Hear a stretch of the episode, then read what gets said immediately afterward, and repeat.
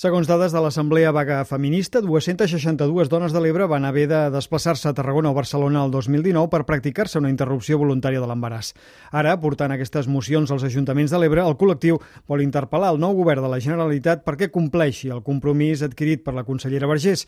Marta Sanz és membre del col·lectiu i explica què es demana exactament en aquestes mocions. Garantir l'IBE, la interrupció voluntària de l'embaràs quirúrgic, als hospitals de referència. Després, la segona seria a formar professionals en perspectiva de gènere per a que la pràctica de l'avortament no estigués eh, desprestigiada com està ara. I el tercer és important i està relacionat amb l'objecció de consciència, no? que és d'instar el govern a anul·lar convenis o contractes sanitaris on se practiquen eh, les objeccions de consciència institucionals. Entre els municipis on es portarà la moció al pròxim ple hi ha els d'Alcanar, Gandesa, Tortosa o Ulldecona, però s'està treballant per fer-la arribar a la gran majoria de consistoris de l'Ebre.